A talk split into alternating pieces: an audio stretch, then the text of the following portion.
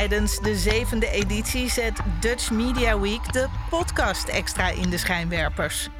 Samen met bekende en onbekende podcastmakers probeert het Mediafestival van Nederland om het wereldrecord podcast maken te vestigen. Als onderdeel daarvan stelt Dutch Media Week 2022 met grote trots aan u voor.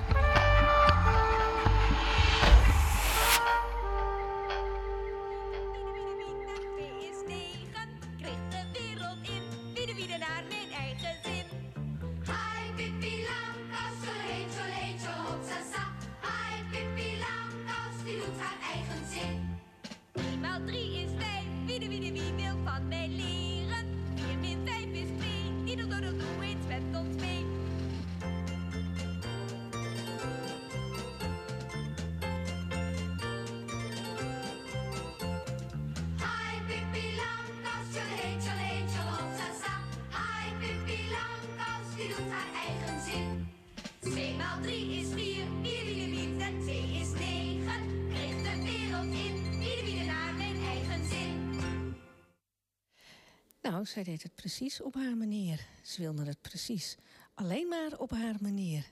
En ik moet eerlijk zeggen, uh, als kind vond ik dat fantastisch. Dat was bij ons thuis niet echt sprake van. Dus ik vond het geweldig. Dingen doen op je eigen manier.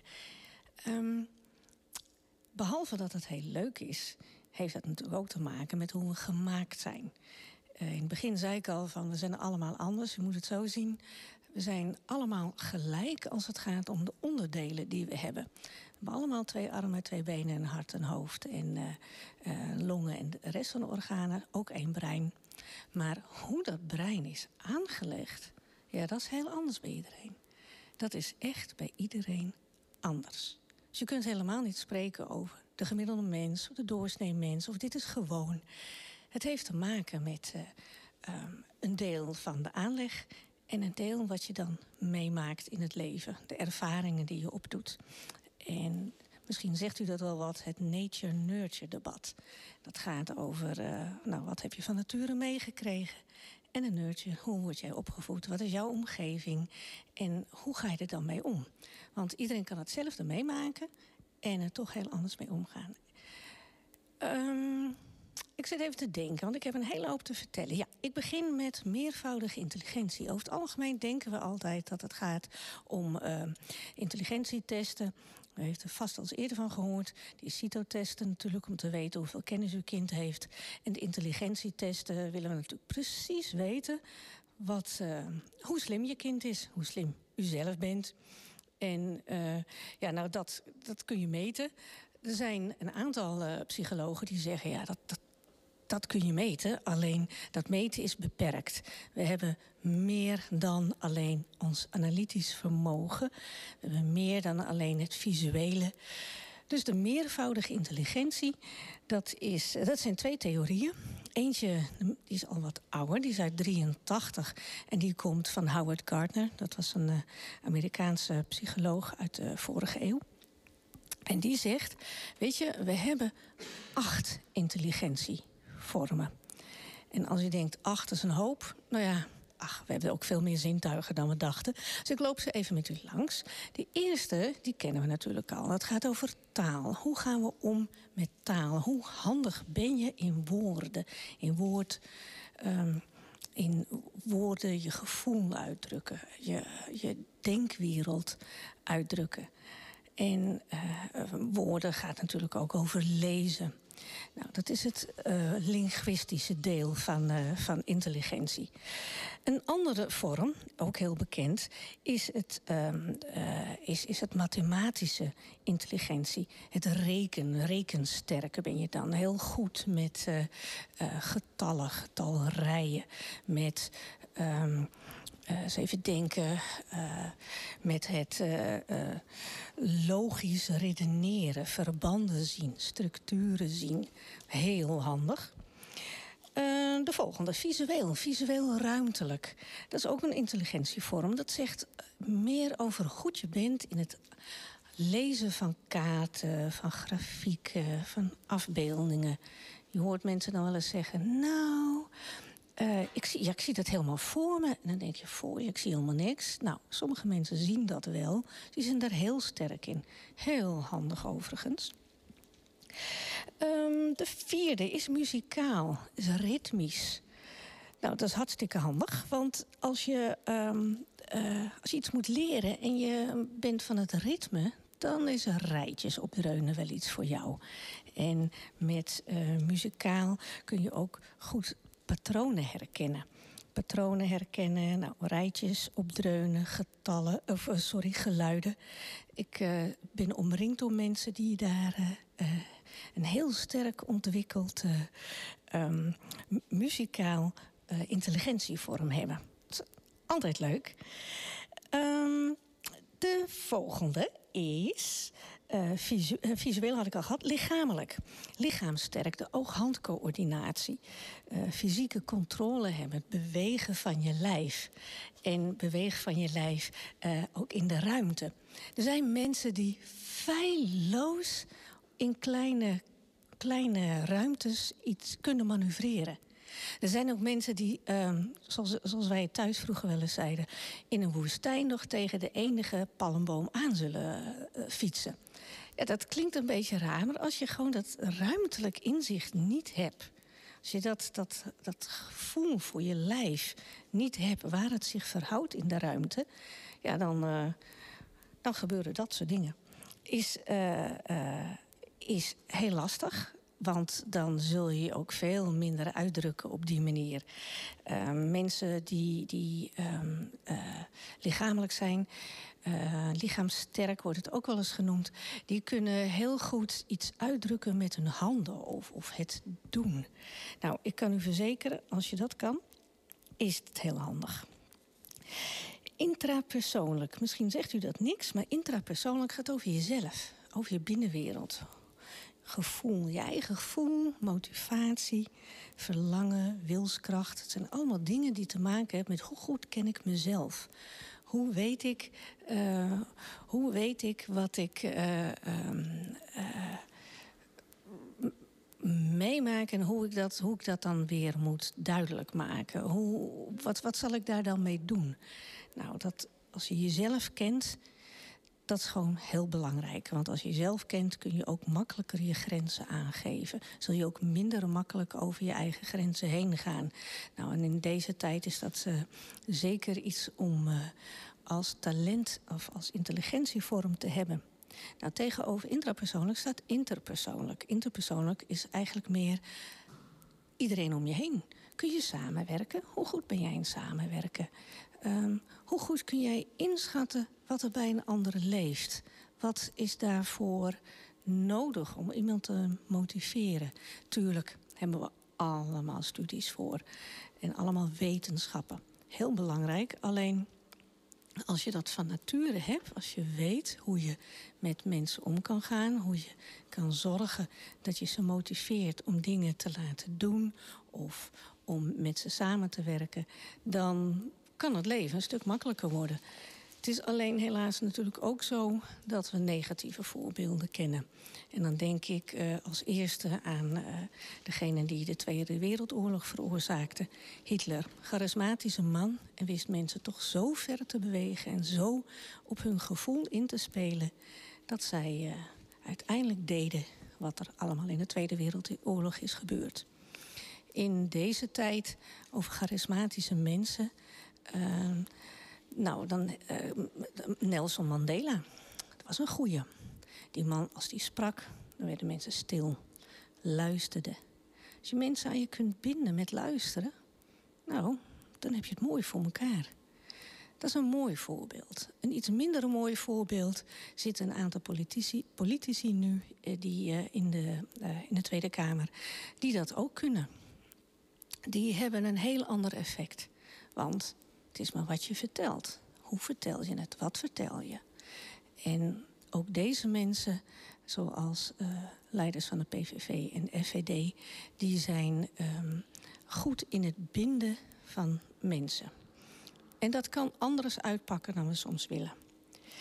Een, uh, een achtste intelligentievorm is naturalistisch. Hoe sterk ben je in natuurlijke elementen, in, in gedrag van dieren en kenmerken van plant en dier herkennen? In hoeverre kun je daarin dat weer vertalen in het dagelijks leven? Uh, want uiteindelijk kunnen we heel veel leren van dieren. Niet alleen, niet alleen in de laatste plaats, omdat wij uiteindelijk ook een zoogdier zijn. Existentiële intelligentie die werd later toegevoegd door Howard Gardner. En dat is het vermogen om te filosoferen, um, kritische vragen te stellen over ons leven, over het bestaan, over de kosmos.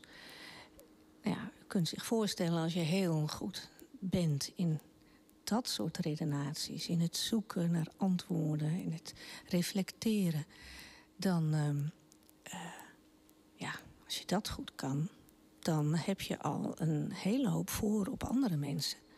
Als jij uh, eventueel die vorm van intelligentie weer inzet op uh, het samenwerken en het samen sterk zijn, dus de interpersoonlijke intelligentie. Dat was uh, Gardner. Dan het lastige aan, aan, zijn theorie is, is dat het heel slecht te onderzoeken is met precies de goede en dezelfde omstandigheden waaronder je natuurlijk altijd wetenschappelijk onderzoek doet. Dat kan alleen maar als het exact, maar dan ook exact hetzelfde is. En als je dan met exacte omstandigheden, exact dezelfde omstandigheden, weer een test uitvoert, en die is dus ook door anderen te herhalen, pas dan kun je spreken van een goed onderzoek. Nou, u kunt zelf voor uzelf beredeneren of wat ik u net verteld heb, of dat iets is wat u herkent. Je kan het alleen niet met onderzoek staven. Dat gaat makkelijker met de negen vaardigheden van Cattell, Hoorn en Carroll-theorie. Dat zijn ook uh, psychologen. En deze psychologen die, uh, hebben daar een beetje op voortgeborduurd. Dus die hebben dezelfde, uh, enigszins dezelfde vormen van intelligentie. Maar zij zeggen ook gekristalliseerde intelligentie en vloeibare intelligentie. Nou moest ik daar, toen ik dat voor het allereerst hoorde, een aantal jaar terug, toch heel erg diep nadenken. En toen was het me nog niet helemaal duidelijk. Maar ik leg het u uit. Gekristalliseerde intelligentie.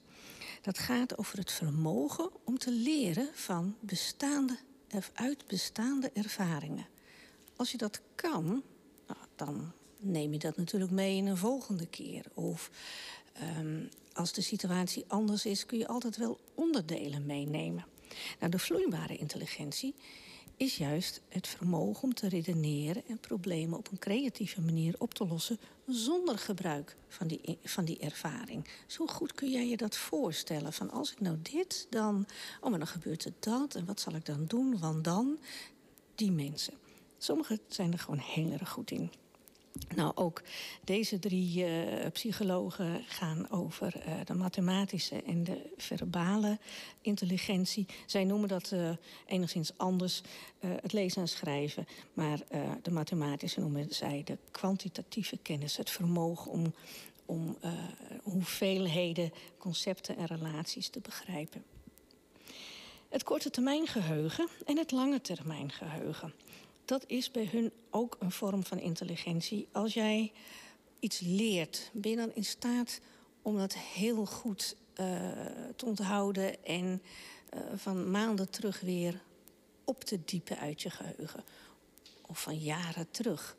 Of ben jij goed in, uh, als jou iets verteld wordt, om het snel samen te vatten en dan weer terug te vertellen. Nou, dat zijn twee vormen van intelligentie die ook weer samenwerken met het processing, um, de visuele processing. En uh, de, uh, de vorm die, is, die gaat over het verwerken van informatie met beelden. En de verwerkingssnelheid van je brein zegt iets of jij goed kunt presteren onder druk. Als jij goed kunt presteren onder druk en je bent dan uh, toch in staat om, om uh, een goede prestatie neer te zetten, ja, dan uh, um, kan dat in, in, bij beroepen waarbij split seconds van belang zijn, natuurlijk een groot voordeel zijn. Um, wat deze drie psychologen nog meer gelijk hebben met Gardner, is het auditieve processing. Dat gaat gewoon over horen. Het klinkt leuk, maar het gaat over horen. Sommige mensen die zijn gewoon beter om informatie op te nemen die ze horen. Nou, dat is als jij daar rekening mee kunt houden in de klas of rekening houden met opvoeding, is dat goed om toe te passen. Um, als jij weet dat, dat je kind uh, best goed kan onthouden wat jij wil als jij hem uitlegt dat het uh, iets niet mag, terwijl hij heel veel andere prikkels heeft op dat moment, dan kun je best uh, door, door dat, op het moment dat je luistert naar een, weet ik veel, leuke muziek op TikTok, of, dan kun je best zeggen wat je wil. Maar misschien kan je kind dat wel helemaal niet. Die is helemaal niet zo van het horen. Die heeft juist beelden nodig. Denk bijvoorbeeld aan mensen met autisme. Dus die vormen van intelligentie, die, je gebruikt natuurlijk nooit één. Dit is altijd een samenwerking. Dus meervoudige intelligentie is goed bij het, um, bij het gebruik van al onze breindelen. En al onze breindelen zorgen dat we handelen zoals we doen. Dan ga ik zo meteen nog iets meer vertellen over hoe ons brein werkt. Maar ja, ik heb nu al zoveel verteld dat het uh, goed is om uh, weer even um, uh, naar muziek te luisteren. Hoewel, hoewel, nee, nee, nee, nee, doe ik niet. Ik vertel u toch iets meer over het brein. We hebben twee kanten. Links en rechts. Nou, dat hebben we allemaal, dus dat scheelt. Daarin zijn we gelijk. Het linkerdeel van ons, van ons hersen, hersenen, linker hersenhelft, stuurt het rechte deel van ons lijf aan. Dus als je rechtshandig bent, dan ben je iets meer links georiënteerd. En onze linker hersenhelft, daar zit uh, logica in. Logica en woorden. Nou, als jij goed kan redeneren en je kan goed uitleggen, dan, uh, dan is dat jouw sterke kant, dat is dus links. Je bent uh, beter in het analyseren en uh, details ontgaan jou niet zo gauw. Je houdt ook wel van uh, orde en controle. En tijd gaat meer in delen ook. Dat is te overzien en dat geeft structuur. Je bent iets meer op jezelf gericht op, of op één persoon dan op een massa. Nou, dat heeft uh,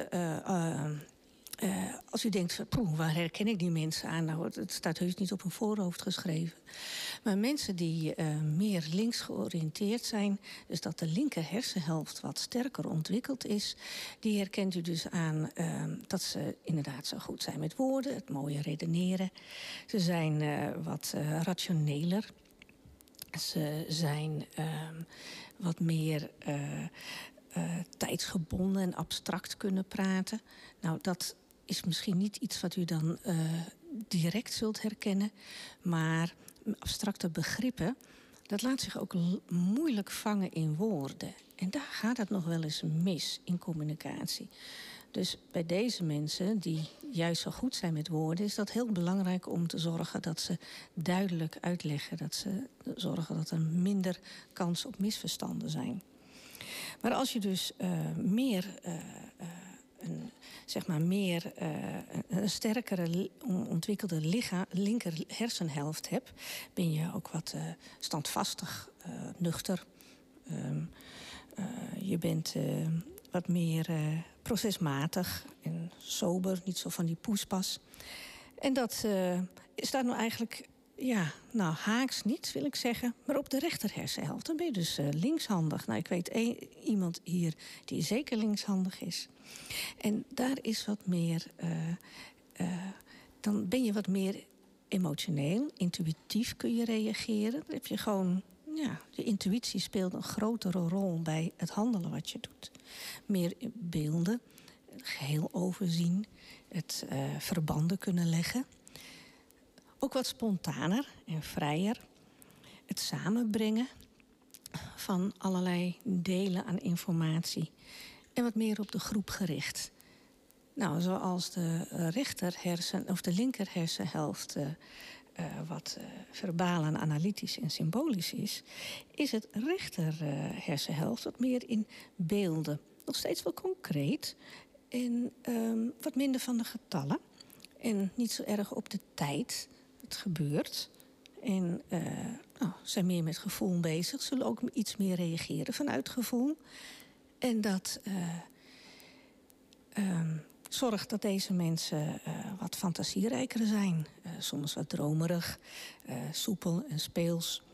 Nou, wie wil dat niet? Alleen zoals ik het nu uitgelegd heb, maakt het misschien wel duidelijk, maar u zult wel begrijpen, je kunt nooit één hersenhelft gewoon uitschakelen. Dat bestaat niet. We hebben er twee en die twee moeten samenwerken. En dat samenwerken kun je uh, bevorderen. Dat kun je met school doen, dat kun je tijdens je opvoeding doen, dat kun je met spelletjes doen en dat kun je desnoods ook met fysiotherapie doen. Je kunt dan zeggen ja, is dat nodig? Maar het gaat natuurlijk om balans. Het gaat erom dat je uiteindelijk een evenwicht vindt waarin al je sterke kanten een, een, uh, hun rol kunnen nemen op het moment dat het voor u belangrijk is. Als je, um, als je dan denkt bij, bij, bij spelletjes of bij, bij uh, oefeningen aan hoe kun je dat dan, hoe kun je die dan in evenwicht brengen, die twee hersenhelften. Nou, um, oh ja, een bekende is de lemniscaat tekenen. Nou, lemniscaat, dat is een, een, platte acht. Als je die uh, tekent en dan uh, uh, volg je ook je, je potlood of je vinger. En zo teken je dan de liggende acht. Dan gaan de twee hersenhelften mooi samenwerken. Um, de kruisloop. Doe je, als je je linkerbeen voordoet, voordoet, dan gaat je rechterarm ook naar voren en andersom. Of als je nou afwisselend je rechterhand op je linkerknie en je linkerhand op je rechterknie. En dat een beetje tempo, tempo. Dan ontwikkel je dus op een of andere manier ook die twee hersenhelften om beter samen te werken. Een andere heel simpele is bijvoorbeeld uh, gewoon de afwas op de hand. Want je ene hand doet iets heel anders dan je andere hand. Het samenwerken van, van onze hersenhelften zorgt dat je uh, uiteindelijk de uh, balans kunt bereiken.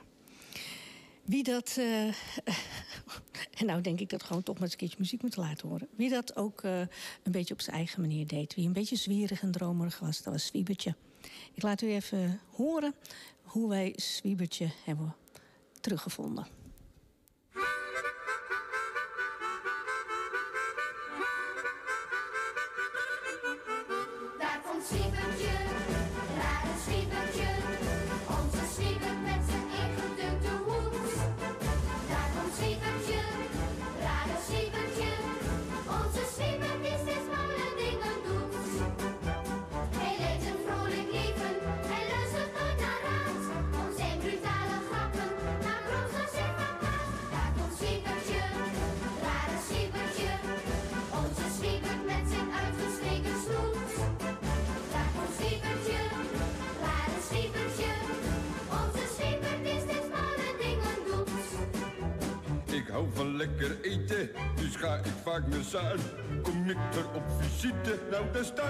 Klaar.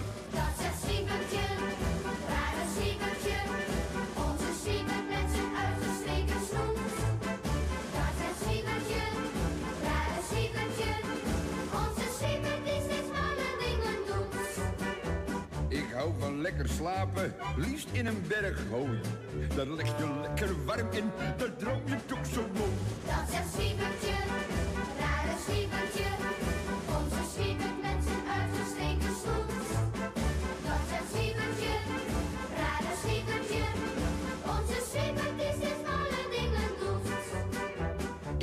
veel van mijn vrijheid, die raak ik niet graag kwijt. Maar één man die bedreigt me, dus brons door zo'n.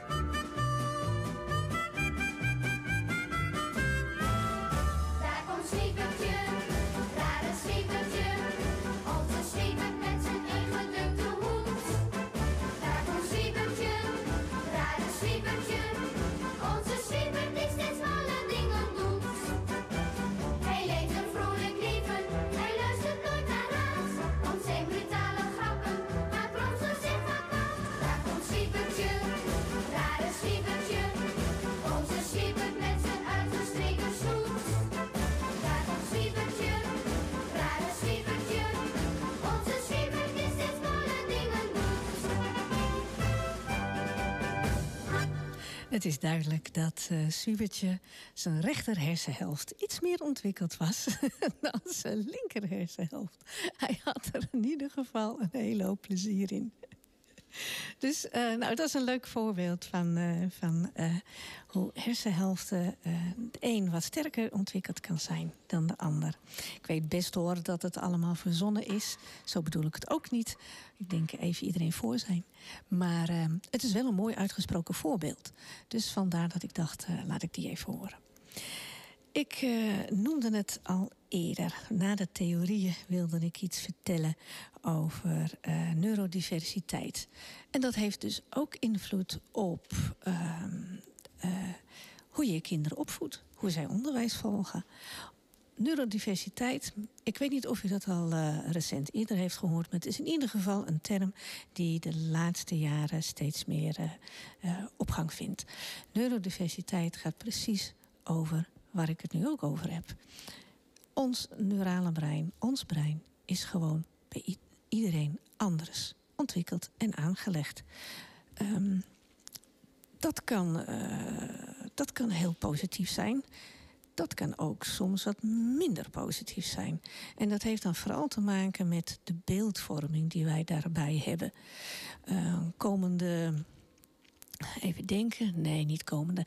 Over ongeveer een klein jaar, en dan zijn we alweer in de zomer van 23, 16, 6, 23, is de uh, Neurodiversity Pride Day. En dat is dan voor de derde keer georganiseerd. En dat gaat inderdaad over van waarom zouden we het alleen maar negatief bestempelen? Waarom is als je brein anders is aangelegd, dat in ene een psychiatrische stoornis of uh, een probleem. Want het hoeft helemaal niet. Het heeft ook uh, goede kanten. En omdat het dus ook goede kanten heeft, dacht ik van weet je, ik ga er gewoon iets meer over uitleggen. Dan, dan, misschien dat het u dan iets meer zegt en dat u uh, de goede kanten daarvan ook iets meer kunt waarderen. Nou, ik noemde in het begin de meest bekende, autisme. Autisme kan heel erg lastig zijn. En dat weet ik echt wel heel goed. Ik heb nu zo'n 40 jaar ervaring met uh, autisme. Ik uh, uh, heb het van dichtbij meegemaakt. En ik heb het van iets verder af meegemaakt. Maar ik heb alle stadia wel tot nu toe gezien. En dan gaat het vanaf baby tot en met bejaard. En daarmee wil ik niet zeggen dat ik alles weet, maar ik heb er wel wat ervaring in opgedaan. Ik heb geleerd om anders te kijken, om meer uh, te wisselen van invalshoek. Ook te kijken naar details. Nou, autisme is een andere manier van de hersenontwikkeling. En waarnemingen bestaan vaker uit uh, losse fragmenten. En verbanden leggen is niet direct hun sterkste punt. Aan de andere kant, mensen met autisme, die zijn veel meer gericht op details. Helemaal niet verkeerd. Zo globaal als wij soms naar dingen kijken en ons absoluut iets niet opvalt.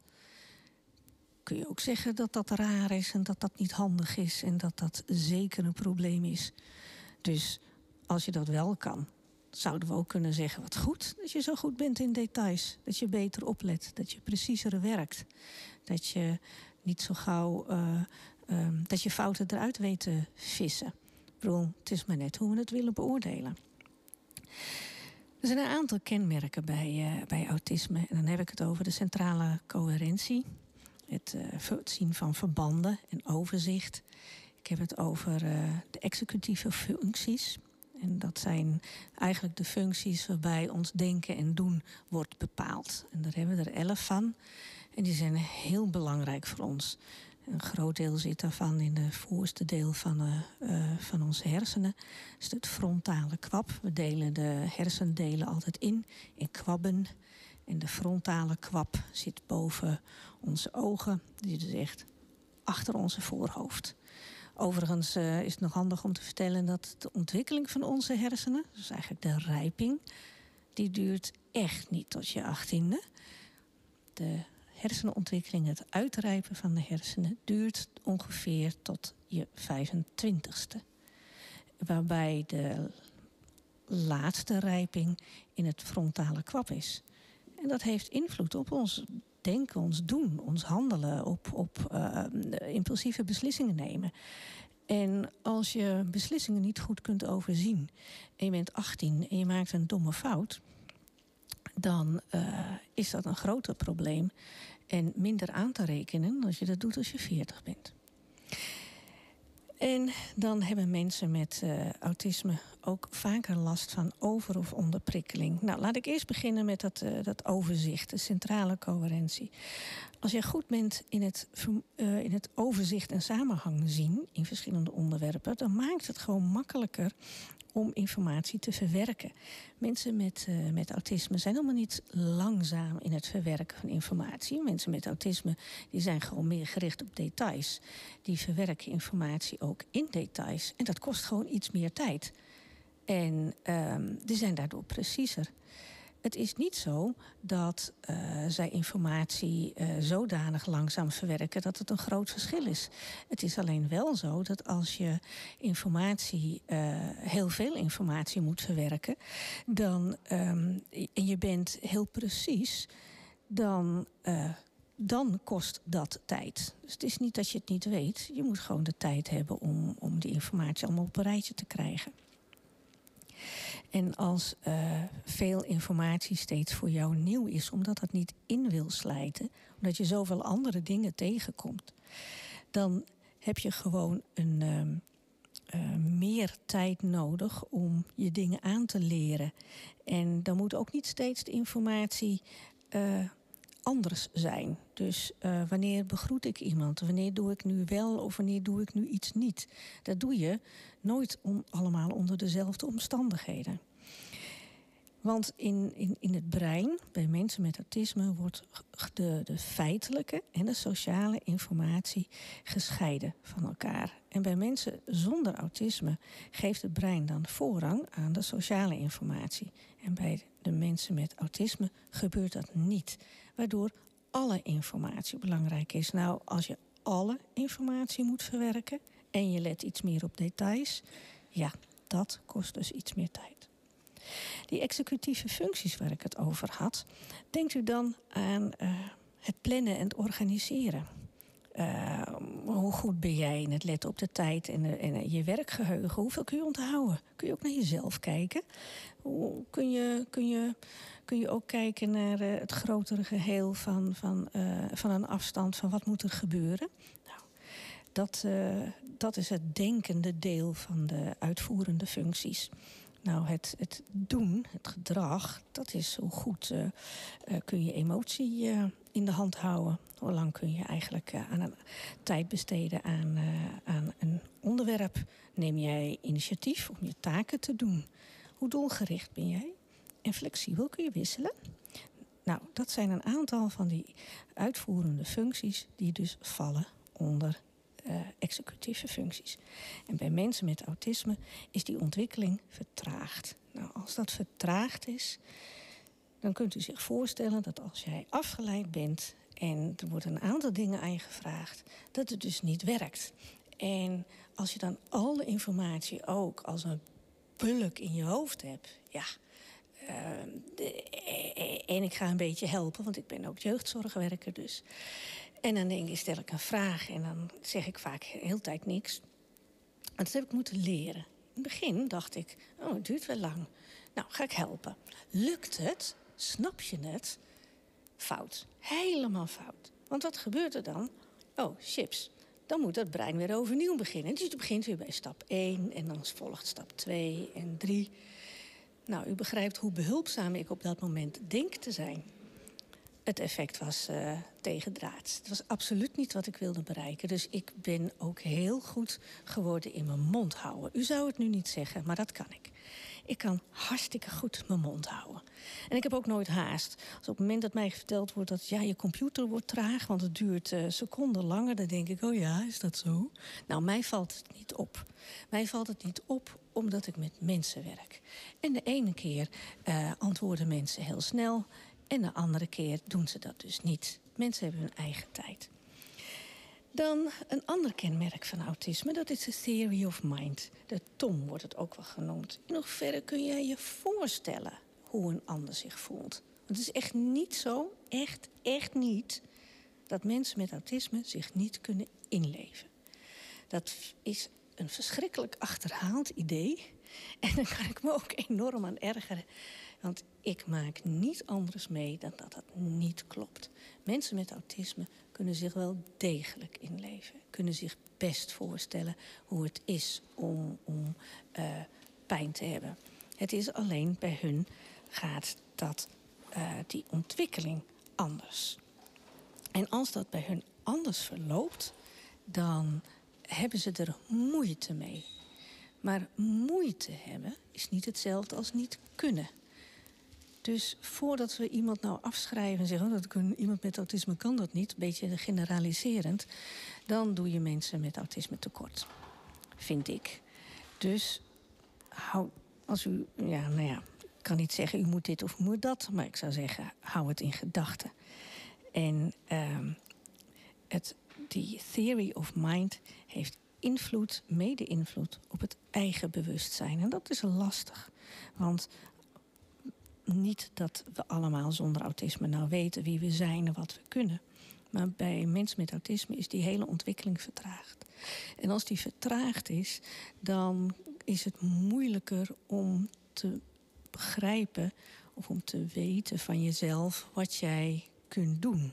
Dan is die verbinding er niet altijd. Onder- of overprikkeling. Dat is iets waar mensen met autisme vaker last van hebben, omdat de uh, zintuigen minder goed gerijpt zijn. En minder goed uitgerijpte zintuigen zijn gevoeliger en, uh, of juist minder gevoelig. Daar ga ik straks meer over vertellen, want dat is een hoofdstuk apart. Als u dan denkt van, uh, nou dat was autisme, dat is dus neurodivers en ze noemden er nog een stel, laat ik het u nog, zal ik u nog iets vertellen over ADHD. Ook wel alle dagen heel druk genoemd. Want we kunnen, uh, ik kan u wel de Engelse term geven, maar als, u, als ik zeg impulscontrole en hyperactiviteit en aandachtstekort, dan weten we al een hele hoop. Dat gaat over ADHD. Deze mensen hebben uh, helemaal niet een teveel aan energie hoor. Hun energie wordt juist verhoogd op het moment dat zij meer signalen binnenkrijgen. Uh, zij worden dan selectiever in op welke, op welke signalen zij zullen reageren. En wist u dat ook daar een derde van de ouders met. Uh, uh, een derde van de ouders die een kind hebben met ADHD dat zelf ook hebben. Het is trouwens. Die impulscontrole zorgt ook, want dat zit natuurlijk in de frontale kwap, zoals ik eerder noemde. En dat uh, is al zo'n lastig deel van het brein wat laat ontwikkeld is of uitgerijpt is. Het snel afgele afgeleid zijn en impuls niet kunnen beheersen, dat maakt voor deze kinderen het soms heel lastig om op school goed te blijven luisteren. Om ook goed te blijven luisteren wat je wel en niet mag, terwijl het toch allemaal zo verleidelijk is. En dat uh, zie je soms in negatief gedrag, ongeduldig en in de reden willen vallen en voordringen. Want wachten, wachten is heel ingewikkeld. Je kunt met spellen heel goed oefenen hoor, maar het blijft, het blijft lastig. Dyscalculie en uh, dyslexie, dat zijn nog twee, um, dat zijn nog twee uh, um, vormen van neurodiversiteit. En dat heeft dyslexie is, is gaat over woorden. Maar het is. Uh, als, je, als je moeite hebt met lezen en op een of andere manier die letters niet goed opslaat. En uh, dan, dan wordt het moeilijker om, om informatie tot je te krijgen. Maar ze zijn ook heel creatief en beeldend. Kunnen goed vertellen. En zij kunnen. Uh, uh, behalve dan dat lezen op een andere manier hun intelligentie gebruiken. En daar is dus die meervoudige intelligentie voor, wat ik had uitgelegd. Het gaat niet alleen om ben je goed in lezen of bij dyscalculie ben je goed in rekenen. En dus wordt alles moeilijker. Dat, zo is het echt niet. Dat is echt niet zoals het in elkaar zit. Als je moeite hebt, als je dyscalculie hebt, dan heb je uh, bijvoorbeeld ook met het uh, een gebrekkig richtingsgevoel of uh, een zwak auditief geheugen. Nou, dat is dan weer hoe hoor jij? En als jij niet goed horen kan, in de zin van niet technisch of je oren doet, maar inhoudelijk kun jij de, het signaal eruit vissen. Kun jij, valt het je op als je naam genoemd wordt? Nou, als je dat allemaal niet hoort, mis je een hele hoop informatie. En als jij uh, een gebrekkig richtingsgevoel hebt, ja, dan krijg je dat dus wat ik zei over een, een, een palmboom in, een, uh, in de Sahara nog raken. Um, dat zijn dus vormen van, van neurodiversiteit. En dan heb ik het eigenlijk nog niet eens gehad over hoogsensitiviteit. En als u nou denkt van wacht, is dat niet een nieuw fenomeen? Nee hoor, dat is er al veel langer. Alleen um, was het moeilijker om dat aan te tonen. Nou, met uh, functionele MRI-scans is dat wel degelijk mogelijk op het moment dat je iets, uh, een, een, taak moet uitvoeren. Mensen die niet hoogsensitief zijn, dan zie je dat er een aantal breindelen uh, actief zijn. En op het moment dat iemand met hoogsensitiviteit dezelfde taak doet. Dan zie je een heleboel breindelen actief worden. Dus het, is, het zit tussen onze oren, ja. Maar daar zit ons brein ook, dus dat is wel prettig. Overigens is uh, hoogsensitiviteit ook voor een klein stukje bepaald door uh, onze genen. En die genen die sturen de aanmaak van uh, neurotransmitters aan. En dat heeft weer een hele hoop invloed op ons gedrag, op geheugen en slaap. Ik denk dat het goed is om weer eens even wat muziek te laten horen. André van Duin vond ik wel een leuke.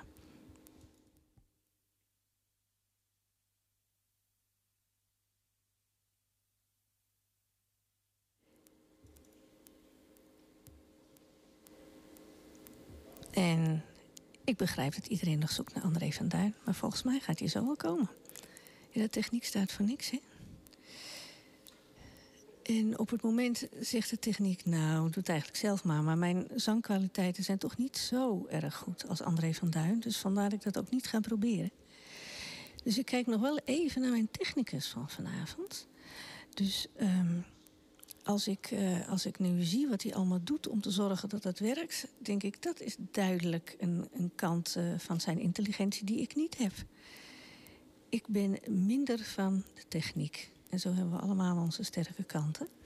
Dus de technicus van vandaag, ja, die is natuurlijk niet voor niks technicus. Die, uh, die uh, zoekt nu uit waarom de computer ons op dit moment in de steek laat. Nou, weet je, geeft allemaal niks hoor. Dan uh, gaan, we gewoon, gaan we gewoon even zonder André van Duin verder. Um, ik had al eerder gezegd, zintuigelijke prikkelverwerking, kortweg ZIP. Dat hoort ook uh, bij de, de onder- en overgevoeligheid, hoort uh, ook bij um, mensen met autisme. Dus vandaar dat ik het al even kort noemde. Onze zintuigen, dat is het vermogen van ons lijf om informatie uit de omgeving op te nemen. En um, als je dat er, als je die waarneemt en verwerkt, of tenminste ons brein verwerkt, dan ga je actie ondernemen. Op het moment dat die zintuigen een andere vorm hebben van verwerken of minder goed zijn uitgerijpt, dan uh, kan het gebeuren dat je onder of over prikkeld bent. Nou, hier hebben we er ook weer een aantal. We hebben meer zintuigen dan dat we uh, de meeste van ons weten. Tuurlijk, allemaal kennen we horen, zien en uh, ruiken en smaak. Dus daar hoef ik u eigenlijk helemaal niet zoveel over te vertellen. Wat ik wel zou willen vertellen is wat, nou, wat het nou betekent. Als je gevoelig bent voor, uh, als, als je prikkelfilter, zoals ze dat dan noemen, als die te scherp is afgesteld. Het prikkelfilter is een van de onderdelen die zorgt dat informatie in ons brein wordt verwerkt. En een filter is wel degelijk belangrijk, omdat niet alle informatie uit onze zintuigen verwerkt hoeft te worden. Dat zou vervelend zijn, want er komen er ongeveer 11, 12 miljoen per, eh, nou, per seconde komen binnen. En als dat eh, zo is, dan ehm, zou reageren op alle informatie, op alle prikkels iets te veel zijn. Dan ehm, kijk ik, eh, ik, ik kijk even, eh, ja, u, u ziet het natuurlijk niet, maar ik keek even naar mijn technicus die zo hard gewerkt heeft om te zorgen dat de muziek er nu wel is. Maar ik denk, nou weet je, we gaan gewoon nog even door. Ten slotte is het een podcast en geen muziekprogramma. Dus het is niet erg als ik u dat niet laat horen. Die zintuigen. Nou, op het moment dat zo'n filter eh, iets eh, op een of andere manier te scherp is afgesteld, dan, eh, dan ben je gevoeliger. Dan ben je gevoeliger voor licht, snel afgeleid door, door versiering, de gekleurde versiering. Je hebt een voorkeur voor donkere ruimtes. Dan zou die nou, als je nou zeg maar, als je minder gevoelig daarvoor bent, dan heb je bijvoorbeeld nooit een zonnebril op bij felle zon. Of ehm, een andere die wel leuk is, dat je gewoon soms helemaal geen spullen ziet staan.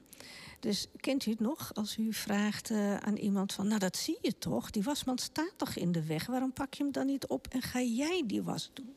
Nou, daarom dus. Blijkbaar is dat zintuig gewoon iets minder ontwikkeld. Dat kan. P- de prikkelfilter. Ja, ik zei de prikkelfilter. Die zit eh, trouwens niet op één plek hè, in, eh, in ons hoofd. Die zit op verschillende. De, eh, een deel zit tussen de hersenstam en de kleine hersenen. En als, dat, als daar bepaald wordt dat het signaal wordt, bewust, ja, bewust waargenomen moet worden, dan gaat het naar een, de thalamus en dat is een soort doorgeven- en verdeelstation. En dan wordt daar een beetje een, een soort eh, prioriteitenstempel gegeven. Het is, eh, het is saai, het is nuttig, zeer interessant. Of heel belangrijk, VIP. Very important prikkel. Nou, daarna gaat het naar de hersenschors. Behalve trouwens eh, als we ruiken, die gaat helemaal niet naar de hersenschors. Die, eh, dat regelt zichzelf. Nou, behalve zo'n filter heb je het neurohormonale systeem. En dat zorgt dat eh, er allerlei chemische stofjes zijn in ons brein die, invloed zijn, die van invloed zijn op ons gedrag en gevoel. Nou, die stofjes, noradrenaline en serotonine, daar heeft u vast wel eens van gehoord. Die noradrenaline, die eh, wordt is juist extra aangemaakt op het moment dat de prikkel wordt doorgegeven. Dus dan kom je in actie. En serotonine, dan, eh, nou, dan, eh, dat is, zorgt juist wat voor meer rust. En dan ga je, ga je eigenlijk niks doen. En dan worden er eh, minder prikkels doorgelaten. Die ehm, zintuigen. Nou, het zien, ik zei het al, wat er nou gebeurt als hij, eh, als hij eh, te scherp is afgesteld. Maar als je nou horen hebt, als dat te scherp is afgesteld, dan hou je wel van oordopjes. En eh, je kunt mensen niet altijd verstaan op het moment dat er veel geluid is. Want dan moet je toch maar het juiste signaal eruit vissen. En je kunt bijvoorbeeld ook reageren alsof er gevaar dreigt. Nou, dat, dat daar word je heel zenuwachtig van. En als je nou, als je nou minder gevoelig bent, ja, dan mis je mondelinge informatie. Of, eh, dan zet je de radio te hard aan. Of jij reageert nooit op je naam. Dan staat iemand te gillen en eh, jij doet niks. Nou, ruiken, dat was een volgende. Eh, ruiken als zintuig. Nou, het zal je maar gebeuren als jij vindt dat alles stinkt. Of je overal aan wil ruiken. Die mensen ken ik ook. Die, die zijn heel erg van de geur. En dat beïnvloedt hun, hun ehm, emotie, hun, hun, stemming. En dat is eh, eh, voor hun heel belangrijk om, om ehm, te kunnen handelen. Het kan ze ook dwars zitten. Want als jij eh, gauw vindt dat iets stinkt, mm, eet je dan je eten? Ehm, vind je het niet erg als iemand niet gedoucht heeft en je daarnaast moet zitten? Ik bedoel, het zal je maar gebeuren. En eh, mensen die eh, juist helemaal niet zo gevoelig zijn van geur, die gebruiken bijvoorbeeld heel veel parfum of aftershave. Nou, als je nou twee mensen naast elkaar zit en de een is gevoelig en de ander niet, dan snapt u best wel dat dat gedoe kan geven. Datzelfde geldt trouwens voor smaak. Als jij ehm, alleen maar bepaalde smaken eet of texturen, omdat je eh, daar een voorkeur voor hebt. of juist alles, alles lekker vindt, dan eh, eet jij graag eh, hele sterk gekruide dingen. Dan ben je wat ondergevoelig. Je probeert ook heel vaak graag nieuwe recepten uit en nieuwe smaken. Maar als jij juist overprikkeld bent of overgevoelig reageert, dan ga je juist van eten snel kokhalzen. Nou, dat maakt als je, als je kind aan tafel hebt en die moet eten, dat is gedoe. Voelen, het is helemaal niet erg als iemand eh, eh, een hele sterk, sterke eh, tastzin heeft, zoals het dan officieel heet. Maar wat als je nou alles voelt? Het, ook het, het, naadje in, in, in, in die jurk of in die sok of, of een, een, labeltje in je kleding. Dan ben je dus duidelijk gevoeliger. Ehm, dat geldt ook voor wie van ons, wie van ons doet bijvoorbeeld eh, gehakt eh, kruiden met zijn handen. Blote handen. Ik wel. Maar ik heb begrepen, niet iedereen. Die vinden dat vies. Ga niet kleien, geen deeg. Blablabla. Vinden ze allemaal vies. Nou ja, dat kan. Dus dan ben je daar duidelijk gevoeliger in. Of minder gevoelig. Dan eentje die wat minder bekend is als zintuig. Dat zijn de, is het zintuig wat lichaamssignalen doorgeeft. Heb je te heet? Heb je te koud? Moet je naar de wc? Heb je honger? Al die lichaamssignalen die zijn belangrijk. Want uh, als jij gevoeliger bent, dan denk bijvoorbeeld aan, ik heb er mijn buik vol van. Of vlinders in je buik voelen. Of uh, boos, blij, bang. Dat soort emoties ook direct echt voelen. Dan is dat een sterk ontwikkeld uh, zintuig. Het kan zijn dat je er helemaal niet zo'n uh, niet zo'n ontwikkeld zintuig hebt. En die mensen lopen altijd met blote armen in de winter. Altijd. Die willen hun jas niet aan. Terwijl jij als moeder of vader denkt van... ja, wacht, het is nou zo koud. Dus dat, dat moet gewoon, anders wordt mijn kind ziek. En je kind wil dat niet. Dan heb je dus gedonder in de tent. En dat om half acht ochtends. Dat willen we helemaal niet als de kinderen naar school gaan. Dat wordt trouwens het zintuig interoceptie genoemd. Het zintuig wat controle heeft over, of nee, geen controle, maar wat signalen van beweging en een houding van je lijf door, uh, doorgeeft, dat is de proprioceptie. Dat is een zintuig wat zorgt dat we uh, vloeiende bewegingen maken. Uh, als dat goed ontwikkeld is, dan, ben je gewoon goed in sport, in, in, in dans. nou ja, voetbal bijvoorbeeld als sport. En als je dan. Um, als je daar minder goed in bent, dan val je wat makkelijker. Je struikelt wat makkelijker. Je, je uh, uh, schat afstanden verkeerd in. Je bent niet goed in het hard of zacht genoeg aanraken van iets. Denk maar aan iemand die zo'n stevige knuffel geeft, dat je daar juist hoofdpijn van krijgt. Het zintuig wat zorgt voor ons evenwicht, dat geeft informatie en snel, van de snelheid van beweging aan ons brein door. De stand van je hoofd, dreig je nou te vallen? Ben je snel uit balans? Bijvoorbeeld gauw wagenziek. Of uh, uh, vind je de, roltrap of de glijbaan eng? Nou, dan is hij dus eigenlijk iets te scherp afgesteld, die filter. En is hij nou te los? Nou, denkt u dan aan die waaghalzen die overal maar op kunnen klimmen en klauteren en, en dat razendsnel kunnen doen. Uiteindelijk werken altijd een aantal zintuigen tegelijk mee om informatie aan onze hersenen door te geven. Dat is natuurlijk nooit eentje. En dat is goed. Maar dat betekent ook dat als er veel samengewerkt moet worden, dat het ook best wel eens mis kan gaan. En als dat misgaat, dan, um, ja, dan kun je uh, over, overprikkeld zijn en dan in eh, huilen uitbarsten. Of als stress zorgt dat je prikkelfilter streng is afgesteld, dat je bevriest. U kent het, kent het toch wel, de freeze, fight, flight, de drie F'jes. En stress heeft nou eenmaal geen goede invloed op het brein. Want dan kunnen we niks meer. Dan komt er geen andere informatie binnen. En dat is juist met zintuigen wel heel belangrijk. En als je overprikkeld bent, dan wil je rust. Dan wil je gewoon alleen maar rust. Rust, overzicht ordening, structuur, herkenbaarheid en herhaling. Graag wat empathie inleven en wat tijd.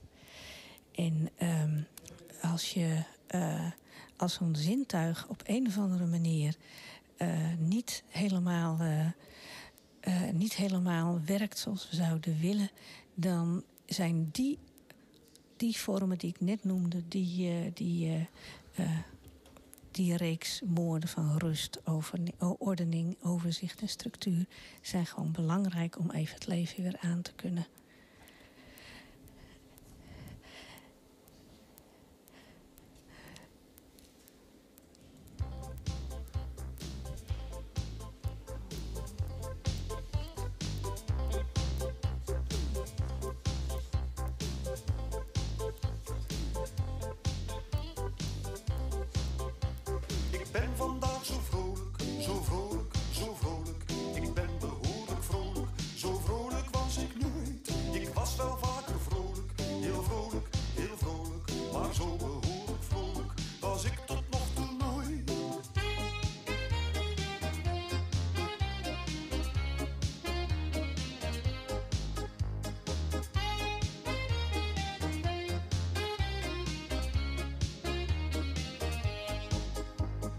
Ben ik ongelukkig, ontzettend ongelukkig. Soms ben ik ongelukkig, dan sterf ik van verdriet. Soms ben ik wat neurotisch, psychotisch en chaotisch, labiel en neogotisch.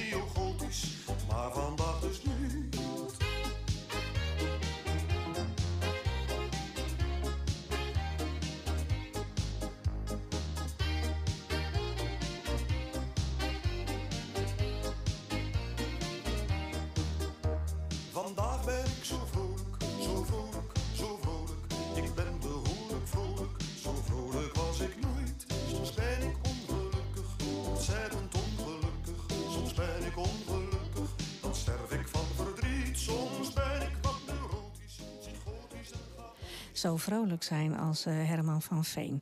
Nou, u snapt nu met het hele verhaal wat ik u verteld heb over alles wat van invloed is op het gedrag en het leren en van uw kind. Dan snapt u ook waar soms opvoedproblemen vandaan komen, leerproblemen vandaan komen. En het zou zo mooi zijn als het lukt om daar meer op in te spelen. En dat kan als u, eh, u kunt alles wat ik, wat ik u verteld heb, kunt u allemaal terugvinden. Maar als u met onderwijs bijvoorbeeld op een andere manier in de klas kinderen laat ehm, eh, leren. Misschien hoeft het helemaal niet in rijtjes opgedreund te worden. Maar laat ze eens terugvertellen. Het uitbeelden. Laten tekenen. Of misschien kan het eh, in, een, in een liedje terug. Dan zorg je dat je meerdere vormen van intelligentie gebruikt. En dat geldt ook met opvoeden.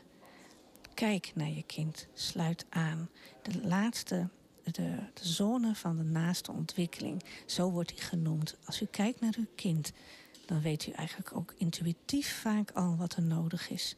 En laat u vooral niet gek maken door alle informatie en mensen die zeggen dat ze het allemaal wel even uit zullen leggen en vertellen. Dat is wel wat ik nu gedaan heb, maar het belangrijkste is dat met informatie u uw eigen intuïtie volgt. Want ehm, een beetje vreemd. We hebben trouwens allemaal onze eigen aardigheden.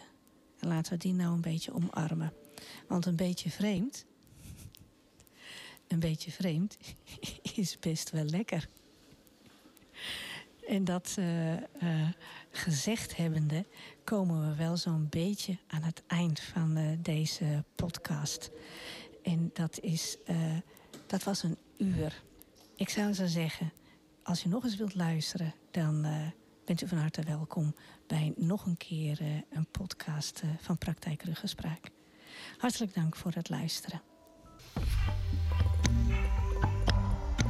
Je luistert naar de recordpoging podcast maken van Dutch Media Week 2022. Binnen enkele ogenblikken staat de volgende podcast voor je klaar.